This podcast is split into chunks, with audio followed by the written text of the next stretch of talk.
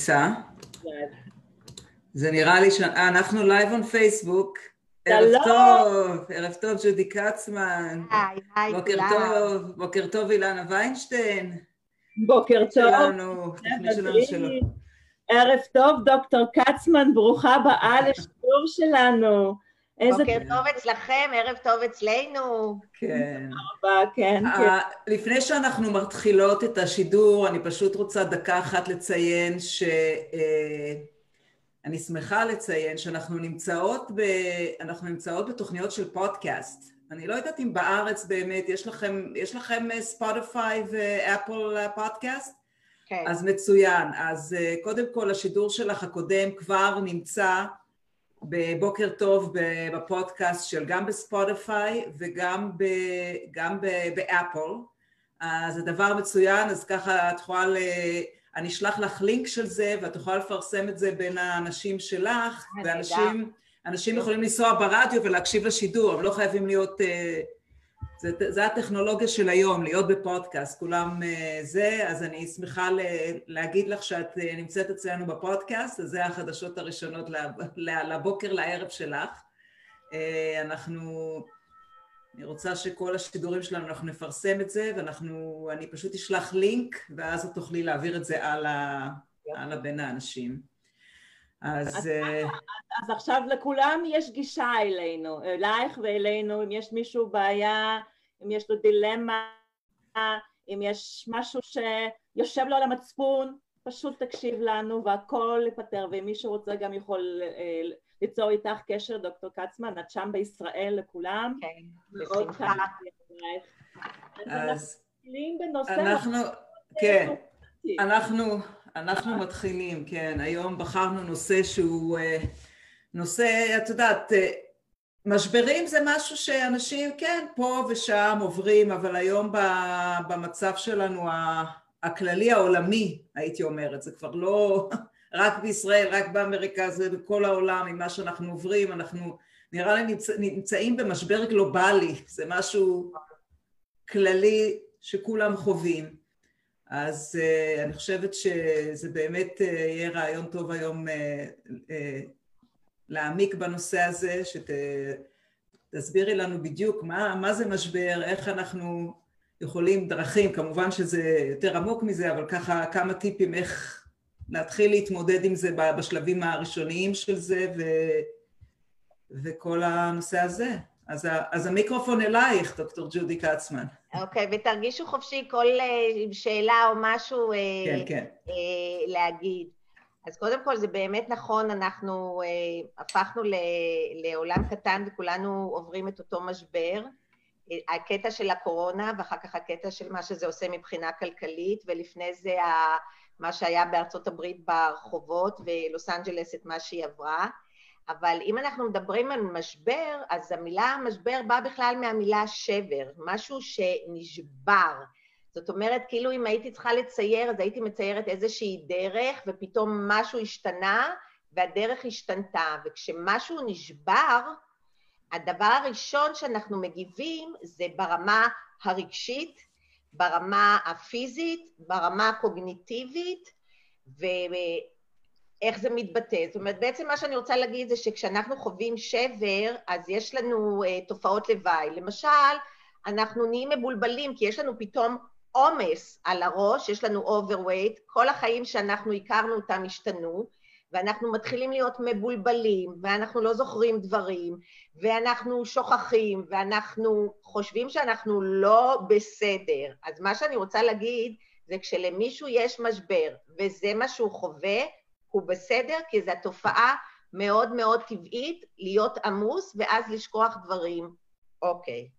עכשיו, ברמה הגופנית, אנחנו כבר יודעים שגוף ונפש מחוברים, וכשהנפש לא טוב לה, גם לגוף לא טוב, ואז אנשים פתאום יש להם מיגרנה וכואב הראש, כן. והמון כאבי גב, ואם אנחנו מסתכלים על הגב כעמוד שדרה, כמשהו שמחזיק אותנו, אז המון פעמים יש משברים לגב, ומערכת העיכול סובלת נורא, והגוף מתכווץ, אז גם הגוף סובל. עכשיו, ברמה הרגשית, כל מה שהכרנו לפני זה מתפרק לנו, ואנשים נהיים, כמו שאמרתי, מבולבלים, כועסים, מפחדים, ואחד הדברים הראשונים שצריך לדעת זה שכשמשהו נלקח מאיתנו בחיים, ויש שם חסר, זה אובדן, ואם זה אובדן, זה סוף, ואם זה סוף, אנחנו יכולים גם להגיד שאנחנו צריכים להתאבל על זה. זאת אומרת, אם אנחנו מדברים על משבר הקורונה, על מישהו שהיה לו מצב כלכלי נהדר, על מישהו שהבריאות שלו הייתה מעולה ו- והשתנתה, אז הוא איבד משהו, משהו מת שם. ולכן יש שלבים של שלבי האבל, שאנחנו בעולמנו כבר הפכנו את זה למדע, אה, יש לזה שלבים. וכשאנחנו נמצאים במצבים האלה, אנחנו צריכים לדעת אה, לשחרר ולדעת שיש לזה סוג של אה, דינמיקה. הדינמיקה היא, הדבר הראשון זה הכחשה, זאת אומרת, זה לא קורה, אני לא יודע מה זה, אני לא מכיר את זה, ולכן אחד הדברים הראשונים שצריך לעשות כשיש משבר, זה בכלל to declare, להצהיר שזה משבר. זאת אומרת, אני יודע שזה משבר, ולכן מעכשיו והלאה כל דבר יהיה אחרת. אז אני רוצה לחזור לקטע של השלבי אבל, כי מה שקורה שכשלוקחים מאיתנו משהו, השלב הראשון זה הכחשה, זה כאילו, אה, זה לא קרה, זה תכף יעבור, יהיה בסדר, לא לדאוג, זה השלב של ההכחשה. השלב השני זה סוג של uh, בלבול. אמ, אם הייתי עושה ככה, אז אולי היה ככה. אם הייתי עושה אה, חיסון, אם הייתי דואג, אם הייתי שם מסכה, אם הייתי עושה ביטוח לעסק שלי, לא משנה איפה האובדן, נגיד אם זה זוגיות, זה אם הייתי הולך אה, לטיפול זוגי. המשא ומתן הזה שאם הייתי עושה משהו והיה קורה משהו, זה מה שהייתי צריך לעשות, זה השלב הבא. אחרי זה יש כעס, כעס נורא גדול. כעס על המצב, כי הרבה פעמים אנחנו מוצאים את הכעס על האנשים שהם בסביבה שלנו. צועקים על הילדים, צועקים על האישה, על השכנים, בהיי-ווי, בכל מקום, יש כעס נורא גדול. תכף אני אדבר על מה זה כעס. אחר כך יש עצב. כאילו, התעייפנו מהכל ואנחנו רק עצובים. והשלב הבא אחרי זה, זה השלמה, זה איזה מין משהו טבעי כזה שמגיע, שאנחנו מבינים שזהו זה, זה המצב, אין מה לעשות, וזה משתחרר. עכשיו אני רוצה להגיד על הכעס, אה, על השלב של הכעס, ובכלל כשיש משבר יש כעס נורא גדול, על כל העולם, על המנהיגים, על, על כולם. עכשיו, מה זה כעס? כעס זה כמו, אם הייתי מציירת למשל קרחון, אז קרחון, אנחנו רואים חלק אחד, אבל אנחנו את שאר, את ה-90 אחוז שלו לא רואים. אז אנחנו רואים תמיד כעס, אבל הוא יושב בדרך כלל על פחד. אנחנו מאוד כועסים כשאנחנו מפחדים, כשאנחנו לא יודעים מה יהיה, כשיש לנו אי ודאות, כשיש לנו, שאנחנו לא יודעים מה מחכה לנו, כשיש לנו חוסר אונים, זאת אומרת, לא משנה מה אני עושה, לא הולך לי. אה, תסכול נורא גדול וכאב. זה כעס, זאת אומרת, אם אני אעשה מזה נוסחה, אני אגיד שכל בן אדם שכועס, ואנחנו רואים אותו כועס, הוא מפחד ממשהו, הוא מתוסכל מאוד ממשהו, הוא חסר אונים שלא משנה מה הוא יעשה, זה לא עובד, הוא מפחד מאוד, ובעיקר כואב מאוד. עכשיו אני רוצה להגיד לגבי משברים וגברים, שגברים במשברים הם מאוד כועסים, אבל הם לא מסוגלים להגיד אני פוחד, אני מתוסכל, אני חסר אונים, כואב לי, איבדתי את הפרנסה, הרסו לי את החנות, לא משנה מה, אני מתייחסת עכשיו כאילו לרעיון שהיה, כן, שהיה כן. באלה, דברים גם לא יודעים לבקש עזרה, ולכן הדבר הכי בולט במצוקה אצל גברים זה הכעס הזה הגדול, מה שדיברתי על שלבי האבל.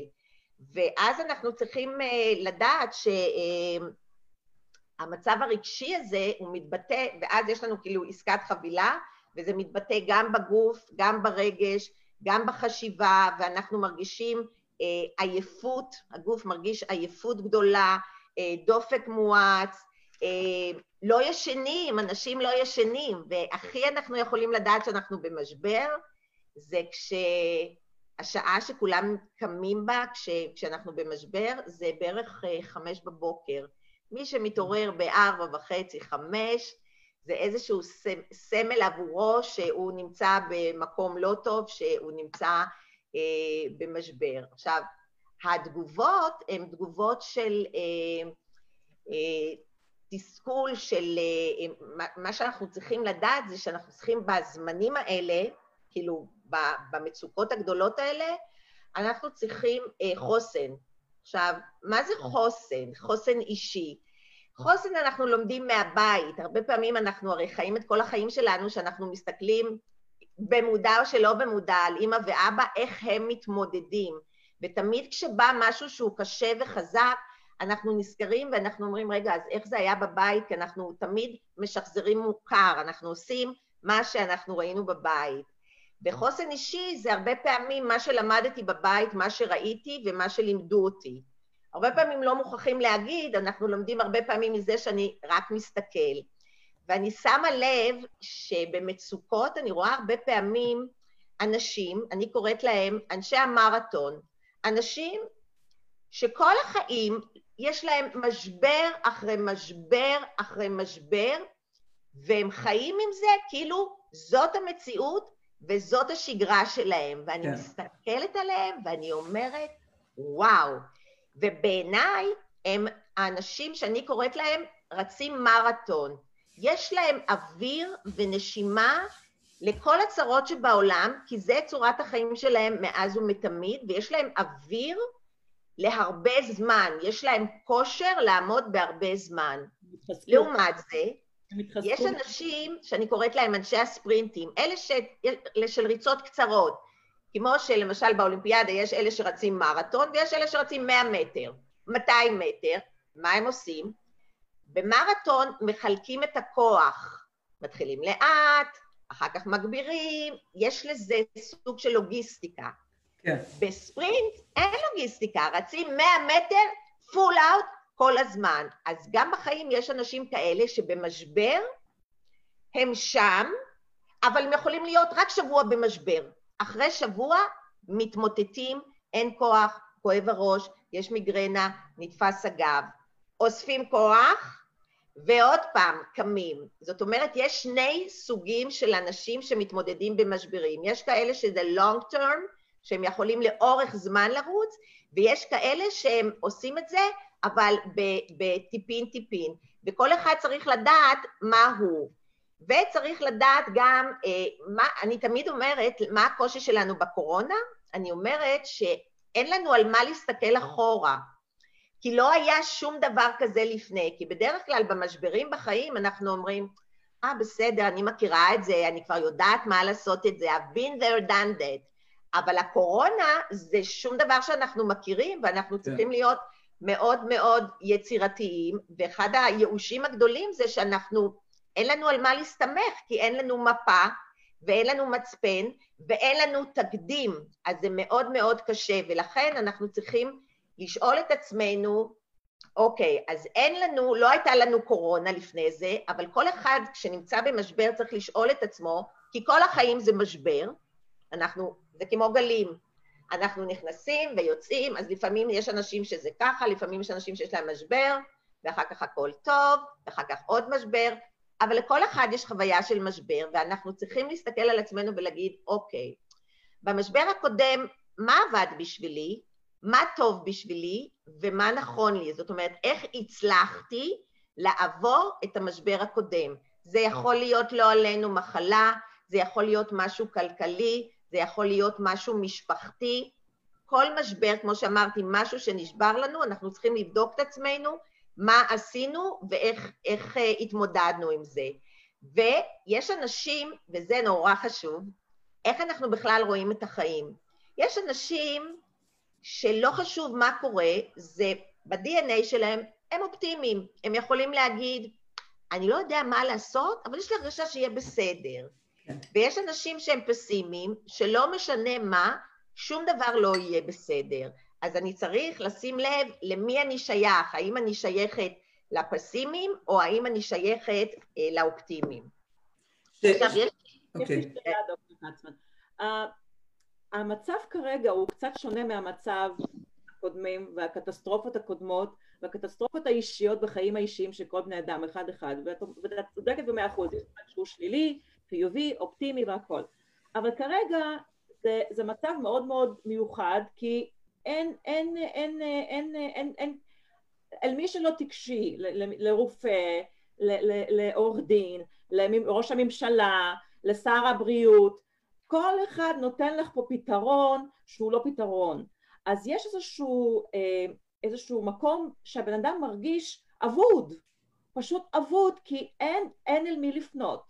אי אפשר לפתור את הבעיה עם כסף, אי אפשר לפתור את הבעיה עם, עם, עם, עם, עם, עם תרופות, אי אפשר לברוח לשום מקום, אי אפשר להכניס את הראש לחול, שום דבר לא עובד. שום דבר לא עובד. אז אותו אדם שנוטה לדיכאונות ונוטה להתמודדות שלילית, עכשיו הכל נהיה יותר גרוע. מה שלא הצליח לו בעבר, עכשיו לגמרי נאבד, אין לו צ'אנס. הוא מסתכל על זה כאילו זה סוף העולם. נכון. וזה המקום שאנשים כרגע, אני רואה את זה, מפעילים את עצמם, מניעים את עצמם, כל ההתפרעויות שקורות, כל הקללות שקורות, כל השנאה והכעס שקורה. זה דבר שהוא מסוכן כרגע. מה, מה העולם הפסיכולוגי, מה אתם עושים שמה בשביל לטפל בדבר הזה? קודם כל, במצבים כאלה, כששום דבר לא ברור והכל כזה אה, אה, תלוש, אנחנו צריכים לייצר עבור עצמנו, כי אני מסתכלת עכשיו על הבן אדם כבן אדם. בן אדם צריך ליצור לעצמו בתקופה של חוסר ודאות סוג של מסגרת ושגרה קבועה, גם אם אין לו עבודה, איזה משהו שהוא יודע למה הוא הולך ומה הוא עושה. זה כמו שאנחנו עושים עם ילדים, ילדים תמיד צריכים לדעת מה קורה. אנחנו רואים את זה כשמספרים להם סיפור ואנחנו מנסים לקפוץ דף והם אומרים לא, הם יודעים בדיוק מה אנחנו קפצנו כי הם צריכים לדעת את ההמשך. אותו דבר אנחנו, כשהתקופה היא תלושה, אנחנו צריכים לייצר לעצמנו מסגרת של שגרה, של רוטינה, שהיא תהיה קבועה, גם אם לא תמיד יש לנו מה למלא בזה. עכשיו, כי למה? כי זה מסגרת, ואם אני מרגיש ככה, אם יש לי מסגרת, זה איזשהו סוג של עוגן. Okay. כמו מה זה נראה? זה נראה כמו לקום בשעה קבועה בבוקר, לאכול את האוכל הנכון, כי מזון בתקופה כזאת זה אחד הדברים המאוד מאוד חשובים, כי יש אנשים שכשהם במצוקה הם מפסיקים לאכול, הם לא אוכלים בכלל, כאילו שום דבר לא יכול להיכנס להם לבטן, ויש אנשים שכשהם במצוקה הם גרים בתוך המקרר. אז אוכל, ושלא לדבר על אכילה רגשית, שכשאנחנו רוצים לפייס את עצמנו, את עצמנו, כן. לנחם כן. את עצמנו, אנחנו אוכלים את הלחם ואת הפחמימות ואת השוקולד כדי להירגע. אז אוכל זה נורא חשוב, אז זה לקום בשעה קבועה, זה לאכול אוכל שהוא נכון ולעשות משהו כמו עבודות יזומות, גם אם אין לי מה לעשות, לעשות משהו שיחזיק אותי במסגרת. עכשיו, בתוך כל המסגרת הזאת יש אה, מודל שנקרא גשר מאחד, אני תמיד מדברת עליו, זה של אה, אה, פרופסור מולי להד, שאומר ככה, בתקופות שכאלה אנחנו צריכים להשתמש במה שיש לנו, לא בבחוץ לגמרי, אלא במה שיש לנו ואיך אני יכול להפעיל את עצמי. והדבר הראשון שזה הגימל, זה משהו שהוא גופני. בגלל שאנחנו אמרנו גוף ונפש מחוברים, אנחנו צריכים לשמור על הגוף הזה. אז מעבר לאוכל שאמרתי מקודם, ושעות שינה של לפחות שש-שמונה, כי בלאו הכי אנחנו קמים מוקדם כשאנחנו במצוקה, אנחנו צריכים להיות בפעילות, כי בפעילות כל הסטים יוצא וכל הרעל יוצא, וכשאנחנו עוסקים בפעילות יש אנדורפינים שמופרשים למוח, וזה עושה לנו מצב רוח טוב, לכן הרבה פעמים אנשים מכורים לחדר כושר, אז אם זה גופני, זה יכול להיות הליכה, זה יכול להיות ריצה, זה יכול להיות מסאז', זה יכול להיות שחייה, כל דבר שקשור בגוף. חייבת להיות איזושהי, וכל אחד לפי הרמה שלו. אנחנו לא אומרים עכשיו לך תרוץ מרתון, אבל תצא מהבית, תעשה משהו, תלך לחדר כושר, זה הגימל. במצב הזה, השין זה שכל. זה הזמן לשבת ולראות בשכל, בקונדיציה, מה אני עושה, מה אני עושה עם מה שיש לי, לאן, לעשות תוכנית, לחשוב עם השכל, לא להתרגש ולא לאבד את הצפון, אלא להיות מאוד מאוד מחושב, מאוד מאוד מחושב. אחר כך הדבר הבא זה רש, גשר, אנחנו ברש, זה הרגש. אנשים חייבים לדבר על מה הם מרגישים, כי אנחנו בדרך כלל כל כך עסוקים בדואינג, שאנחנו שוכחים את הבינג שלנו, ואנחנו סך הכל human being, לא human doing, ואנחנו צריכים לדבר על מה עובר עליי, לדבר על זה שאני מפחדת, שאני דואגת, כן. שאני אה, לא מסתדרת, שאני חסרת אונים, שכואב לי, זאת אומרת, אנשים צריכים ללמוד להגיד מה יש להם. עכשיו, זה גם חינוך, בגלל שאם שנייה אני אדבר על גברים, גברים לא מלמדים אותם לדבר על רגש, כי התפקיד של הגבר הוא לצאת החוצה, לפרנס ולהיות חזק ולהחזיק את המשפחה, והוא לא כואב לו כלום, והוא לא דואג, הכל בסדר. לא מפחד, הכל בסדר, התפקיד של האישה זה לדאוג ולפחד ומותר לה לבכות, לי אסור, אני שומר הבית. אז רגש זה משהו, אני אה, עובדת הרבה עם גברים ו, וגם בקבוצות, ואז הרבה פעמים שאני שואלת, אז מה אתה מרגיש? אז בדרך כלל התשובה היא, אני חושב, ואני אומרת, לא חושב, מרגיש. זאת אומרת, אין בכלל את החלוקה הזאת של חושב ומרגיש. אז וגם מה זה רגש? איזה צבע יש לזה? כמה זה שוקל? איך זה נראה? זה דבר נורא מופשט, וכשמישהו אומר כואב לי, מישהו אחר יכול להבין מה זה? כמה כואב לך? שני סנטימטר? שלושים גרם? אז זה דברים נורא מופשטים. אז צריך לדעת לדבר על רגש, וברוך השם, היום בעולם שלנו כבר מלמדים את הילדים לדבר על רגש, כן. וילדים יודעים להגיד... שמותר, ש... להם, שמותר גם לבנים לבכות, שזה בסדר. כן. יש לי, יש לי כן. שאלה אלייך, ג'ודי. כן. הקו הדק, הדקיק, של בין uh, לעבור משבר ובין להיות מדוכא, כן. את יודעת, יש קו uh, מאוד מאוד דקיק, והדברים כן. שאילנה דיברה עליהם, שהם בהחלט מה שקורים היום וכל זה, ו, ומה שאנחנו רואים כ, כתוצאה מהמצב הזה, שהרבה אנשים באמת uh, נכנסים הרבה לדיכאון, אז זאת אומרת כל, ה, כל העניין של הדיכאון מאוד מאוד uh, הוצף, זה נהיה עכשיו משהו מאוד, uh, מאוד שכיח בתקופה הזאת, פתאום כל בן כן. אדם שני הוא, הוא דיכאוני כבר. ולא עלינו יש גם כל המקרי uh, התאבדויות, האובדניות, אז כן. איך באמת, מבינה, איך באמת אנשים רגילים שחווים כזה דבר, איך אפשר לשים באמת את הדקות, לעשות את ההבחנה של הדקות הזאת בין רגע אני עכשיו באמת אני, אני מדוכא או אני רק עובר, את יודעת איך אנשים יכולים לעשות את ההבחנה הזאת? כן, שאלה טובה. אם אנחנו מדברים על דיכאון, אז יש, יש דרגות, זאת אומרת, יש אני יכולה להיות מצוברחת ממשהו, כן. כי, כי מה שאנחנו קוראים דיקי, ויש אה, אה, ממש דיכאון שזה ממש אה, נפשי, ויש אה, דיכאון מג'ורי שזה אנשים שלא יוצאים מהמיטה, לא אוכלים, לא שותים, לא מתפקדים, נמצאים במיטה בחדר שח... אה, אה, חשוך כל הזמן. אז יש בזה דרגות. כן. אנשים במצבים שקשה להם, אין להם כוח במצבים קשים, אין להם כוח להרים את עצמם.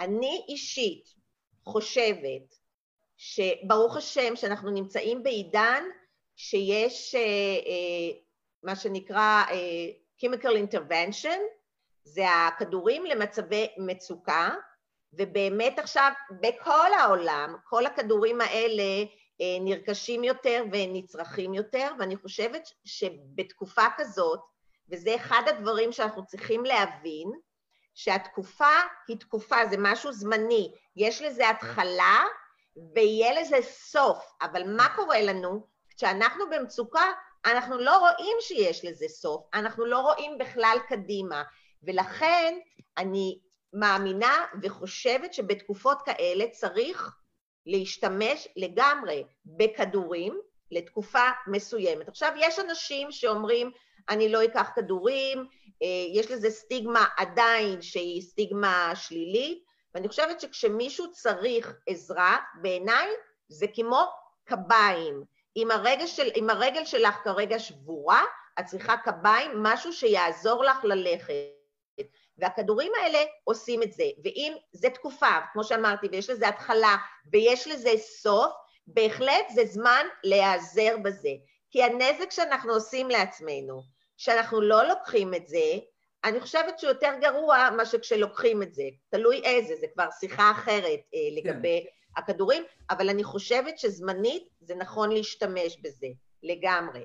עכשיו, יש שיטות נוספות שהן יותר הוליסטיות, של אנשים שלא רוצים לקחת כדורים, ועושים את כל השינוי במוח לבד. עכשיו צריך לזה גם כוח וגם הדרכה. זה נקרא CBT, זה Cognitive Behavioral Therapy. מה שזה אומר זה ככה, שאם אני אלמד את עצמי לחשוב אחרת, כן. אני גם ירגיש אחרת. זה, על זה זה מבוסס, וזו שיטה כן. שאנחנו יכולים ללמד את האנשים שיש להם זמן, יש להם סבלנות ויש להם את היכולת. אלה שאין להם את היכולת ויש שריפה והם צריכים לכבות את השריפה, אני ממליצה על כדורים. אלה שיש להם את היכולת כן ללמד את עצמם, אז זה לשנות בכלל את כל הצורה שבה אני רואה את הדברים ואיך אני חושב. למשל, את רוצה לשאול? אני רוצה לשאול אותך. את ממליצה לקחת לבן אדם שלא יוצא מהמיטה שלו, כן? סוגר את האורות, לא מתקשר, פשוט לא משתף, לבן אדם שנמצא, לא מתרחץ, כן? לא אוכל, אה, לא מתקשר, זה הבן אדם שהוא הקנדידט לכדורים. כן, בטח, כן, כן. זה, זה ההבחנה של דיכאון דיכאון, כי צריך להבחן, הרבה פעמים אנחנו משתמשים במילה הזאת נורא ככה בקלות, או אני כן. בדיכאון, אבל אם מישהו קם בבוקר ומתרחץ, זה סימנים מאוד בסיסיים. אם בן אדם קם בבוקר גם כשקשה לו, ומתרחץ, ומסתרק, ויושב ואוכל, ורואה טלוויזיה, ורואה חברים, והוא מדוכדך וקשה לו, זה לא דיכאון. דיכאון זה משהו שהמג'ורי החזק, מה שעכשיו תיארת, מה שדיברנו מקודם, יותר קשה ממך, זה, כן. זה, זה ממש. מישהו שקשה לו ואומר אני מדוכדך, אני בדיקי, זה סיפור אחר, כי איך אנחנו יודעים? אנחנו תמיד בודקים את זה לפי רמת התפקוד. אם אני קשה לי, אבל אני מתפקד, אז אני בסדר, אוקיי? אז זה, זה, זה האינדיקציה. ובמסגרת הזאת של, אוקיי, אז מה אנחנו עושים בימים האלה? אז קודם אמרתי ה, שאנחנו צריכים לדבר על רגש, הדבר הנוסף, אנחנו חייבים, במיוחד בימים כאלה, להשתמש במשפחה, באלה שנמצאים סביבנו. עכשיו, אנחנו יודעים שיש כל מיני סוגי משפחה, אבל מה שאני תמיד אומרת זה שמשפחה זה מצב רגשי. זאת אומרת שיש הרבה פעמים אנשים שקרובים אליי, חברים שלי, שהם משפחה, זאת אומרת זה לא חייב להיות אה, ביולוגי. משפחה ביולוגית, כן. הרבה, הרבה, את יודעת, אנחנו, אנחנו בורחים מהמשפחה, בתור ילדים מחכים לרגע הזה, יאללה, לצאת מהבית, להתרחק מהמשפחה, עזבו אותי, אני רוצה להיות... ופתאום עכשיו חוזרים הביתה. פתאום נכון. עכשיו... אבל גם יש הרבה שחוזרים הביתה כי אין להם כסף אה, לשלם את השכר דירה, זה נכון, כן, כן. אבל, כן. זה, אבל זה, זה בדיוק הנקודה, כמו שאת אומרת, יש הרבה אנשים, ג'ודי, ש, שהם לא באמת אנשים דיכאוניים, ש, שהם באמת uh, הצליחו ועברו משברים, עברו משברים בחיים שלהם כל מיני, מכל מיני סוגים, כמו שאת אומרת, uh, אובדן, כל מיני זה, אבל, אבל באמת שהיום עם המצב שקורה, אנשים פתאום מוצאים את עצמם במצב חדש, במצב מאוד מאוד מאוד קשה, ש, שאפילו בלהסתכל אחורה ו, ועל כל הדברים של מה ש, שהם כן הצליחו לעבור וכל זה, עדיין הם לא מצליחים לראות את הפתרון כי זה מגיע למצב של אין לי כסף לקנות אוכל, אז מה, מה אני עושה עם זה? זה כבר מעבר ל... את מבינה משהו שאני... אוקיי, אני אשב ואני אחשוב ואני... מעבר לכדורים, הכדורים לא יעזרו. אז, אז איך באמת...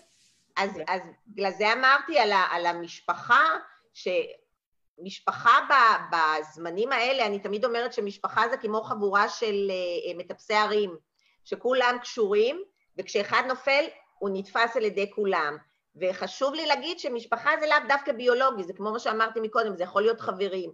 אז במצבים כאלה צריך לדעת לבקש עזרה, ואנחנו כחברה מי שמבקש עזרה זה סימן של חולשה, בחוויה זה סימן של חולשה, זה סימן של מפלה, ועוד פעם, אם אני, אני אלך לגברים, גברים לא מבקשים עזרה, גברים גם לא מבקשים אה, אה, עזרה בדרכים, שום דבר, כי הם צריכים לדעת לפתור את הכל לבד. ואני חושבת שזה גם חלק גדול מהדיכאון, שאני לא יכול לצאת החוצה ולבקש עזרה, כאילו אני הזמנתי את זה, הרי אם אנחנו מדברים על הקורונה, מה יש לי לעשות? זה לא, אני לא עשיתי שום דבר רע, אבל אנשים לא יודעים לבקש עזרה, ואחד הדברים שצריכים לדעת לבקש בתקופה שכזאת זה עזרה, זה יכול להיות זמני, זה יכול להיות אפילו בבוא לדבר איתי, או בוא, בוא נראה מה אני עושה, או גם אם, אני, אני רואה מה שקורה פה בארץ, אנשים קודם כל פונים למשפחה, בעניין של התכלס, שלאנשים נגמר הכסף, נכון. הם הולכים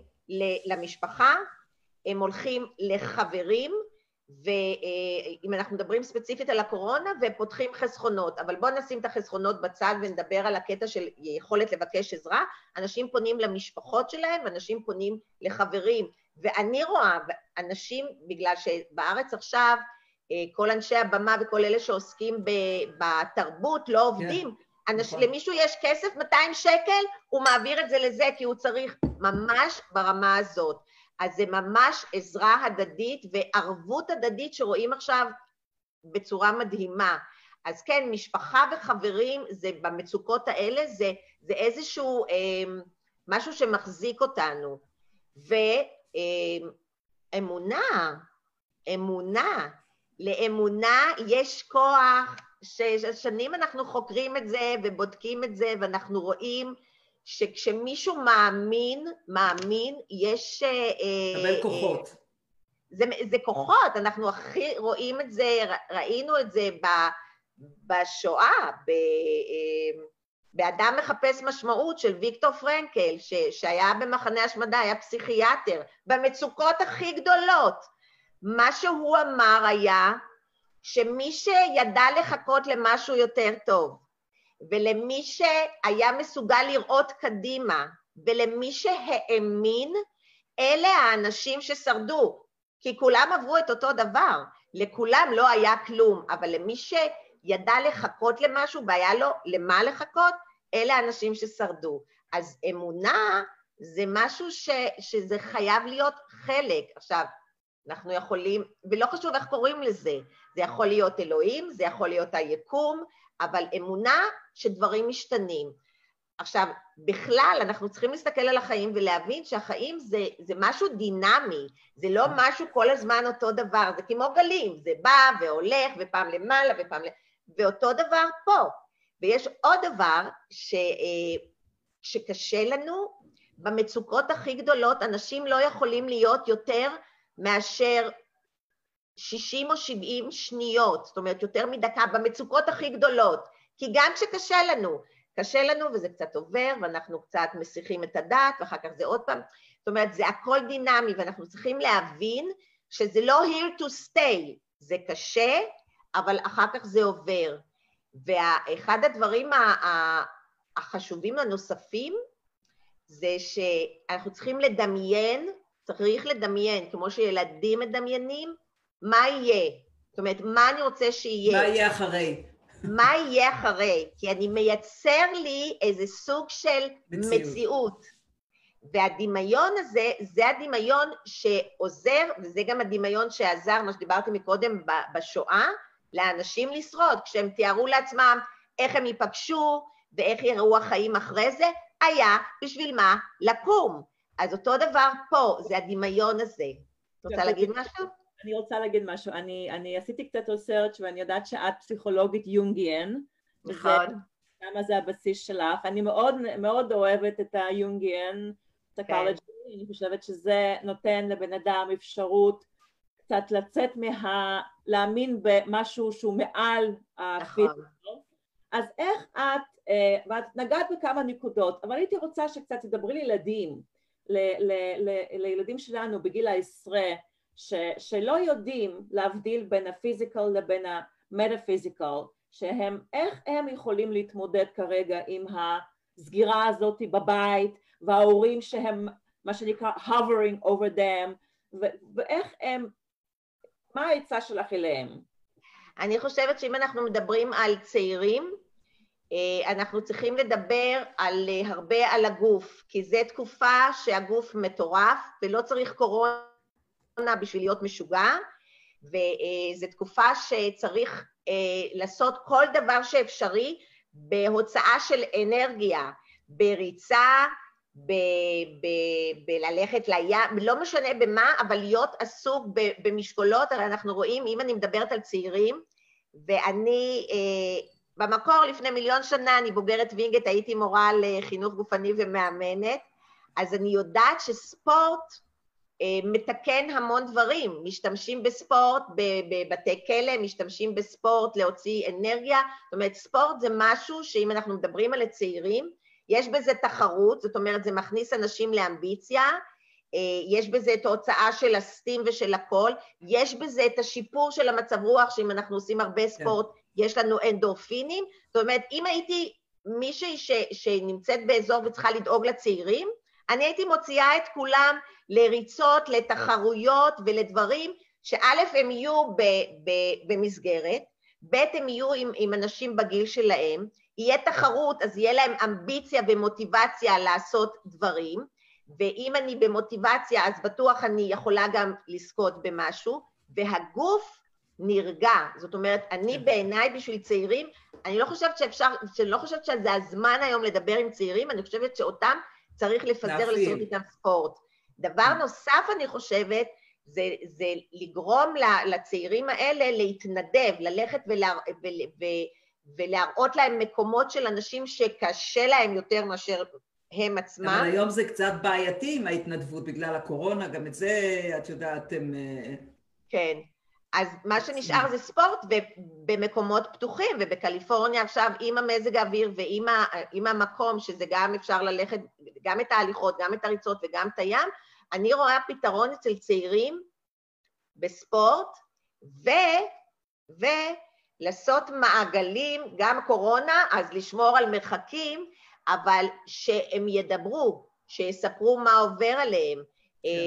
בלי ביקורת, עם, עם מישהו שהוא צעיר, לא גרונאפ, מישהו שהוא שנתיים שלוש יותר מבוגר, כאילו בגיל שלהם, שמבין אותם, שלא בדיוק הם נמצאים עכשיו בשיאם וזה לא בדיוק התקופה, אני, ככה אני רואה שזה מה שצריך לעשות היום עם הילדים, אה, הילדים, עם הנוער. כן. בהקשר אבל, אבל בהקשר לנוער, מה שהיא אומרת, יותר חשוב, אה, לא קשור ליותר חשוב, יש אה, נקודה אחת שהיא אפילו יותר קשה, זה כל הנושא של הבידוד החברתי וגם מה שהולך להיות, אה, למשל אצלנו, אני, אני יודעת למשל שחלק מה, מהאוניברסיטאות עוד כבר לפני. כבר לפני שנכנסנו לקיץ הודיעו שהם לא, לא יפתחו. כן. אני אישית, אני יש לי, הבן הכי צעיר שלי הוא בתיכון, עדיין לא ידוע אם, יהיה, אם ייפתח בית ספר או לא, וכל העניין, ואני יודעת למשל מהבן שלי, כי אני מדברת איתו הרבה, שהוא ממש, את יודעת, הוא, הוא, הוא כמה שלפני זה הוא לא היה משוגע לבית ספר, פתאום אומר לי, אני, אני, אני מאוד מקווה שיהיה בית ספר, מה, לאן, מה, אנחנו לא נלך לבית ספר יותר? מה? הם צריכים את כל העניין החברתי הזה. זה הדבר החיובי של קורונה, זה הדבר החיובי, פתאום מתגעגעים לבית ספר, מתגעגעים לשיעורים. למורים. כן, אבל איך באמת, איך, איך מתמודדים, איך התמודדו עם התופעה הזאת? כי זה לגמרי שינה מבחינה, מבחינה חברתית את כל ה... בפרט שאנחנו מדברים על הנוער הצעיר, זה, זה, וגם המחשבה, יש לי, יש לי חברים שיש להם אה, ילדים שעכשיו פעם ראשונה בחיים צריכים ללכת לגן, והאימהות פתאום אומרות לי, אנחנו, אנחנו לא רוצים לשים את הילד, מה, שזה יהיה חוויה טראומטית שלו שהוא גן, משחק עם ילדים וזה, לא, כל אחד יישב באיזה קובייה עם מסכה, זה, זה, זה די טראומטי. כן.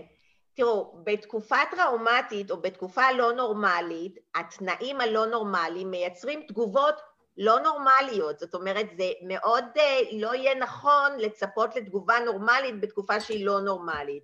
זה אחד, ואנחנו גם צריכים לחשוב מחוץ לקופסה. עכשיו, לגבי הצעירים, מה שאני, אחד הדברים שקרה זה שפתאום הזום נהיה איזה דבר אה, אה, הכי אינטימי שיש, כי, כי יש שיחות בארבע עיניים, מה שלפני זה אולי לא כל כך היו. ומה שהצעירים יכולים כן לעשות, ואני רואה שהם עושים, הם עושים שיחות אה, אה, בזום והם מדברים והם שרים והם משחקים, זה, אני לא יודעת מה הולך בארצות הברית, אבל זה מה, ש, מה שהולך פה.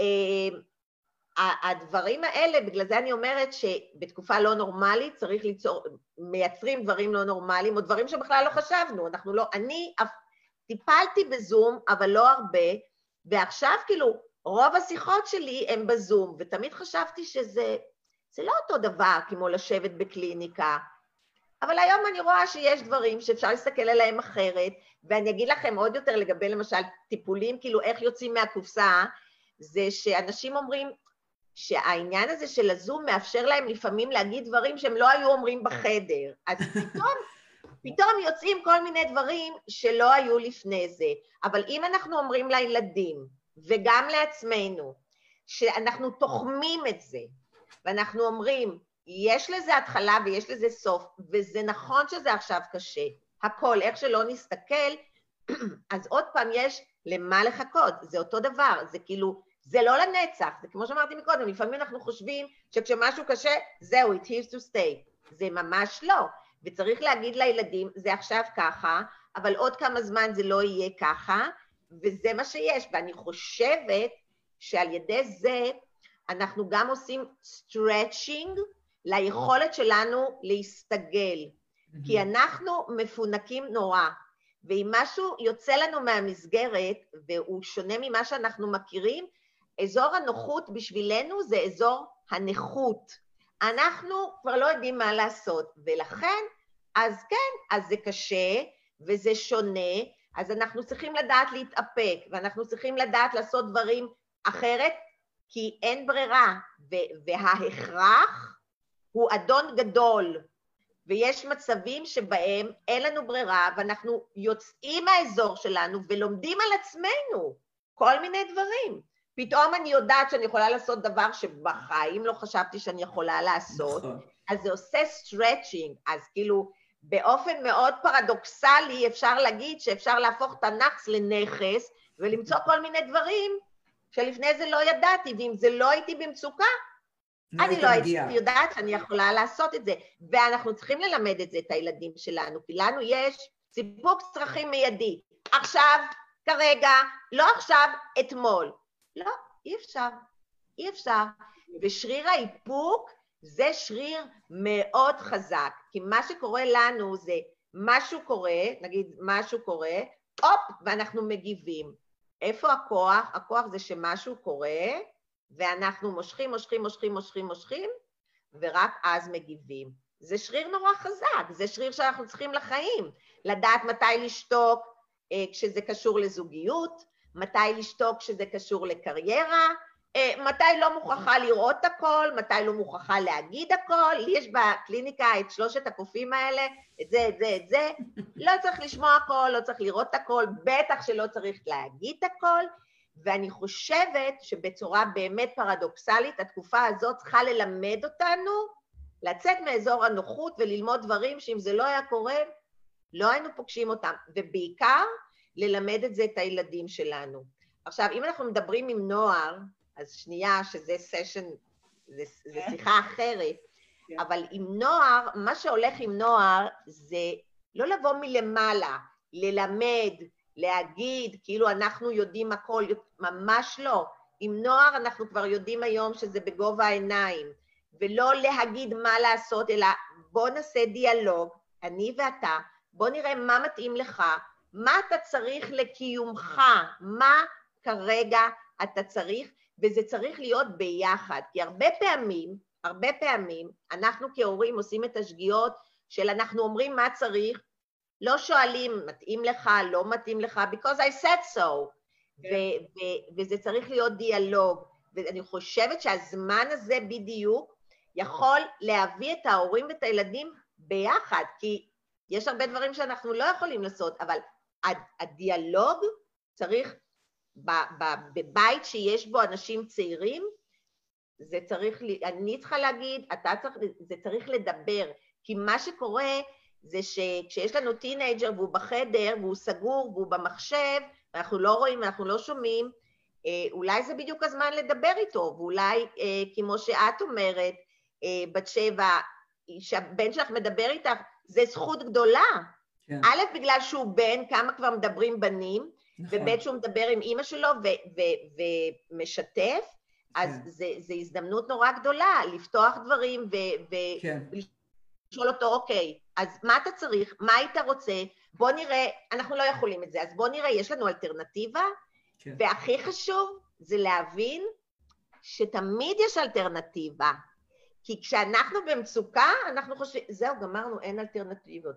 תמיד יש אלטרנטיבה. צריך להסתכל מסביב, צריך לשאול את הצרכים של החבר'ה הצעירים, כי אנחנו מדברים השנייה עכשיו על, ה, על החבר'ה הצעירים, ולשאול אותם מה הם צריכים, מה הם צריכים בתקופה הזאת, ובאמת ה bonding הזה של החבר'ה הצעירים חסר להם, אבל אולי אפשר משהו אחר לעשות, אולי אפשר בחבורות יותר קטנות, כי אצלנו כן. למשל אה, מותר להיות ביחד, אבל לא חבורות גדולות. כן, גם פה אה, בחבורות קטנות גם פה. אפשר. כן, אנחנו כן. קוראים לזה קפסולה, מותר להיות בקפסולות ובמרחקים, אז לא מוכרחים להתנתק לגמרי, אבל כן. זה זמן טוב לבדוק שאלות יותר עמוקות. אה, עם מי אתה באמת רוצה להישאר עכשיו?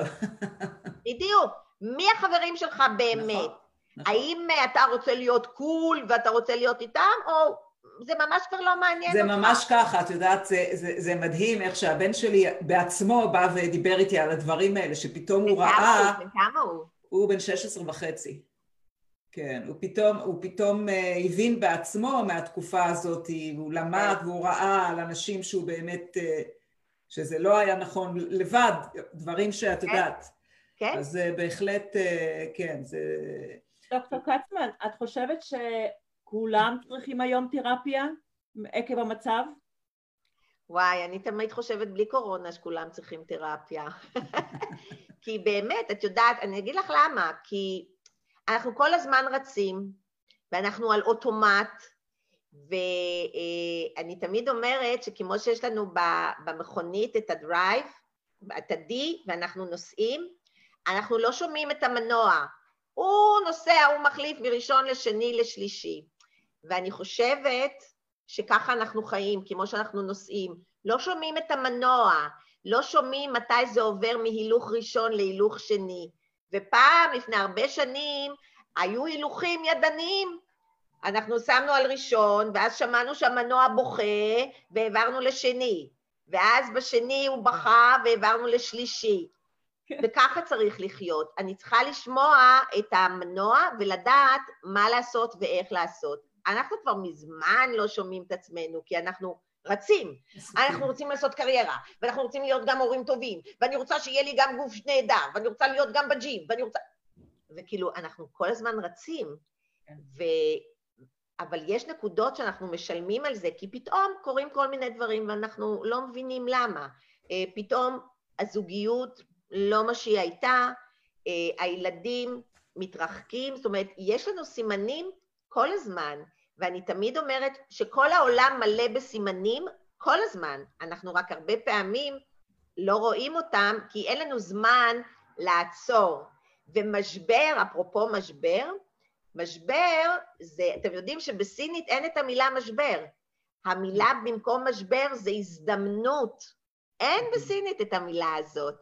אז אני חושבת שבחיים, כן, לגמרי, כל אחד צריך לעצור אחד לכמה זמן, לבוא, להגיד, בכלל לחשוב מה הוא מרגיש, מה הוא מרגיש כלפי עצמו, האם הוא מרוצה מעצמו? אני תמיד שואלת מטופלים שלי, אמ, מה רצית להיות כשהיית קטנה? כי אנשים איבדו את, ה, את הקשר למה שהם היו ואת הקשר לחלומות שלהם, ולכן אני חושבת שאנשים צריכים לעשות הפסקה ולעצור ולשאול אם זאת הדרך שהם רוצים, אם זה מה שהם מחפשים, אם הם מאושרים, אם יש להם חלומות, אם הם התעייפו, אם הם התייאשו, ואז הטבע פתר לנו את הכל. יש הרי את משבר גיל השלושים של נשים, שהיום כבר זה כאילו משבר גיל הארבעים, שזה גיל כזה, בקליניקה יש לי הרבה שלושימים, זה גיל כזה שזזיתי, כאילו משהו, חיפוש של דברים. ואז מגיעות נשים מכל מיני סיבות, אחת רוצה לעשות הסבת מקצוע, אחת רוצה להתגרש, אחת אה, בכלל לא אוהבת איך היא נראית, וזה הגיל, משבר גיל השלושים, שהמשבר הזה עוצר אותנו ואומר, בואי, שנייה, נעשה בדק בית, ונשים באמת שואלות את עצמן, האם זה הגוף שאני רוצה, זה הגוף שאני אוהבת? האם אה, זה בן הזוג שאני רוצה אותו, או שמישהו אחר בחר לי אותו? לא, אני אולי אימא שלי. אה, זה הבית שאני רוצה, או שאני רוצה כל הזמן לעשות שינויים? אז המשבר הזה מכריח את הבנות לעצור ולחשב מסלול מחדש, להגיד אם זה מה שהן רוצות. הגברים עוברים את זה בגיל 50, אה, אני תמיד צוחקת. כן, את רואה באמת הרבה גברים בגיל הזה פתאום עושים דברים שהם אקסטרים, שהם ממש נכון. box לגמרי. נכון. כשאני רואה גבר בן 50, שפתאום רזה המון, ונכנס לג'ינס שאף פעם לא היה לו, וקונה, וקונה מכונית שהיא צעירה, אה, אופנוע, אופנוע, אופנוע, אה, והולך לג'ים באופן כאילו מכור, אני אומרת, אוקיי, הוא בטח בן חמישים, וזה המשבר, שגם כן, הגברים מקבלים אותו בגיל חמישים, הרבה יותר קשה מנשים, שהם מתחילים לשאול את עצמם, הם פתאום נוגעים בזקנה. ואז הם שואלים, אה, זה מה שרציתי? או יש עוד חלומות שרציתי ולא הספקתי? אה, זה החיים שאני רוצה? אה, והחוסר שקט הזה בדיוק גורם להם לנסות להיות צעירים עוד פעם, כאילו למשוך את, ה, את, ה, את הנעורים או, או את החיים ואת הפוטנציאל. אז, אז, הם, הם, אז אם הם נשואים, אז הדבר הזה גורם להם להיות לבלתי נסבלים לאישה, ואז הם מתגרשים. זה משבר מאוד מאוד קשה, אבל באותה מידה אה, נשים בנות 30 פלוס, גם הן עוברות את המשבר שלהן באופן מאוד קשה, כי הן לא אוהבות שום דבר שיש, אז אז זה קשה לגברים. והמשבר של גיל החמישים קשה לנשים. אבל השאלה אם כולם צריכים תרפיה, אז, אז אם אני מביאה את המשבר ואני אומרת כן צריך, כי צריך לבדוק את הדברים, אם אנחנו יושבים ובאמת לומדים לדבר ולהגיד מה אני צריך, כי אם אני חוזרת שוב לגברים, את הגברים אף אחד לא לימד לספר מה הוא צריך. הם בכלל לא יודעים שהם במשבר. הם לא יודעים לא. שהם במשבר. לא. לא. זה, את יודעת, מה שאת אומרת זה כל כך נכון, היה אצלי לפני כמה זמן גבר כזה, ואמרתי לו, אתה יודע, יש לזה שם למה שיש לך. אז קודם כל הוא היה מאושר כי, כי זה, זה שם, זה דיאגנוזה. אומרת, זה משהו שאפשר לעשות עם זה משהו, זה, זה אבחון, וא', הוא לא המשוגע היחיד, יש כבר כאלה, כי עובדה, יש לזה, יש לזה שם. אה, ונכון, בגלל זה כשהתחלנו את כל השיחה אמרתי שכשיש משבר, את צריכה לדעת שאת במשבר ואת צריכה to declare שאת במשבר. ואז זה לגיטימי לעשות כל מיני דברים ולהגיד, אני במשבר, אני יודע שאני במשבר, אני מרגיש ככה וככה, אני צריך שקט, אני צריך זמן, אני צריך להירגע, כל מיני דברים. אבל באמת הדבר... זה נורא מפחיד. זה מפחיד להכיר שהבן אדם במשבר. הבן אדם, בני זוג ביחד, אה, ברגע שמישהו מצהיר שהוא במשבר, אז זה כבר נהיה חוסר בלנס. השני מרגיש שאוי ואבוי, העולם נחרב כאן. אז זה, זה צריך לעשות את זה בחוכמה, כאילו להגיד אוקיי, נכון. נכון. בחוכמה.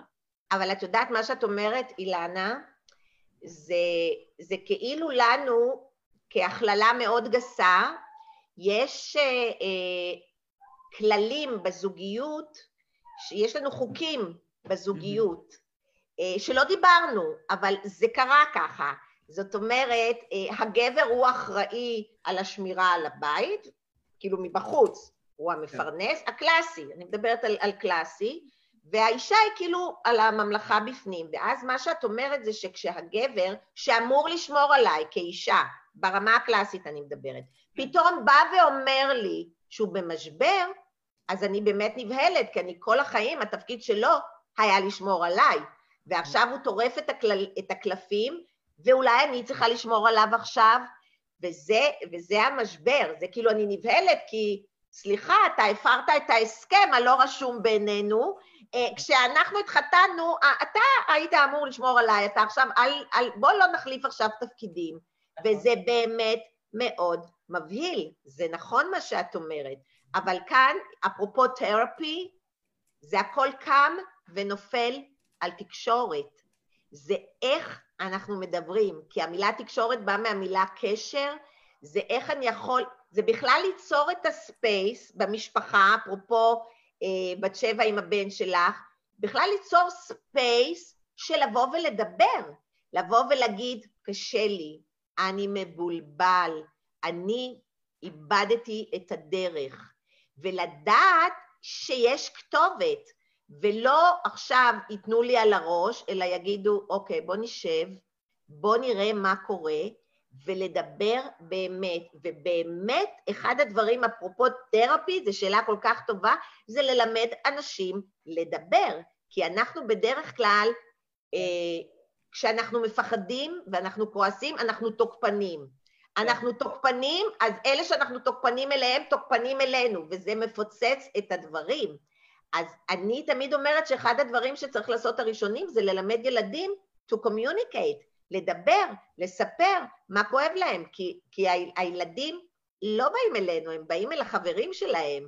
אז התקשורת זה, זה איזשהו space שאנחנו מייצרים בבית, שהוא נותן אה, אמון ונותן הכלה, שגם כשלא טוב לי, אני יודע שאני יכול ללכת לשם. כי יש הורים שהילד, שהאהבה היא רק אם אתה מצליח, רק אם אתה לומד טוב, אז זה ילדים שיסתירו מאיתנו דברים. אז תרפי כן, אחד הדברים זה ללמוד לדבר, זה ללמוד לבקש עזרה, זה ללמוד אה, לבטא, לבטא בכלל מה אני מרגיש. ואחד הדברים שהכי חשובים, בעיקר בתקופה הזאת, זה היכולת להסתכל פנימה ולהגיד אני צריך עזרה, ושיהיה לי למי ללכת ושאני אוכל להגיד מה אני צריך. ואני תמיד אומרת ש... אה, מה, כאילו, מה זה חברים? חבר בעיניי זה מישהו שאני יכולה להרים באמצע הלילה, בשתיים בלילה, את הטלפון, להגיד, אה, אני באה, והצד השני לא שואל אותי מה קרה, אלא אומר, אני מחכה, ואני נוסעת לשם, וזה כתובת. אז זה, זה חברות וזה קשרים, אבל זה רק יכול להיות נברא, בראשית ברא, זה יכול להיות נברא, כשאנשים באמת משתפים מה שיש. ואחד הבעיות שלנו בכלל, כאילו כתרבות, זה שאנחנו תמיד שמים בחוץ רק נקודות חן, ורק הצלחות, ורק ניצחונות, ורק דברים יפים, ואף אחד לא יודע מה קורה כשאנחנו נכנסים הביתה, סוגרים את הדלת, סוגרים את הדלת של חדר השינה, ורק הכרית ואני, במקרה הטוב, יודעים מה קורה. אז... זה, זה, זה לספר ולפתוח את הלב, זה לבייש את המשפחה. אז יש את הסטיגמה של ה judgment. אני רוצה אה, קצת, אה, האמת, היא ש... האמת היא שלא כל כך נשאר לנו זמן, אילנה. אני רוצה, אני רוצה בדקה הזאת להגיד לכל, לכל מי שהצטרף אלינו, יש לנו בתוכנית איתנו את דוקטור ג'ודי קצמן, פסיכולוגית, The Couples Whisperer, והיא גם כן סופרת, ספר מאוד מאוד מעניין ו- ופרקטי בפגישותינו השבועית, ושם נכון. תמצאו כל מיני פתרונות לכל מיני דברים. נכון. כולנו מתמודדים יום יום, כי זה טיפולים שעברת, כמובן לא השתמשת בשמות של אנשים, אבל בעיות, הן אותן בעיות לכולנו. אז ממש תודה רבה ענקית שהצטרפת אלינו, כבוד לנו גדול. אה, אני רוצה באמת, אה, אה, דוקטור ג'ודי קצמן, אני מקווה שמי שהקשיב לתוכנית הזאת היא באמת קודם כל קיבל ככה כמה, כמה נקודות חשובות ואני חושבת שאחד מהם זה באמת, אני חושבת המרכזית זה הקשר, לפתוח, לפתוח ולדבר ו... ו, ו להשתמש בכל הכלים שאפשר. באמת היו דברים מאוד מאוד חשובים שנתת פה לנו כמובן, הרווחנו, אבל לכל האנשים. התוכנית הזאת אני מעבירה אותה, היא תעבור לפודקאסט, אז זה באמת אה, מי, ש, מי שאין לו פייסבוק ומי שרוצה לשמוע את הדברים החשובים האלה שבאמת אה, מחזקים, באמת, באמת מאוד מאוד חיזק מכל, ה, מכל הכיוונים, יוכל להקשיב לזה בפודקאסט, זה יהיה available בספוטיפיי ובאפל, כמו שהתוכנית הקודמת שלך כבר נמצאת שם, כן. שדיברנו על כל ה... abuse, domestic abuse וכל זה, ובאמת שוב תודה רבה שאת איתנו פה בצוות, אה, כל פעם לאתגר אותנו עם אה, דברים חדשים ולתת לנו פתרונות, ועד לפעם הבאה, שיהיה לילה טוב ובוקר טוב, טוב, המשך יום טוב לנו פה בלוס אנג'לס, להתראות מבוקר טוב. עם ישראל. ביי ביי. ביי.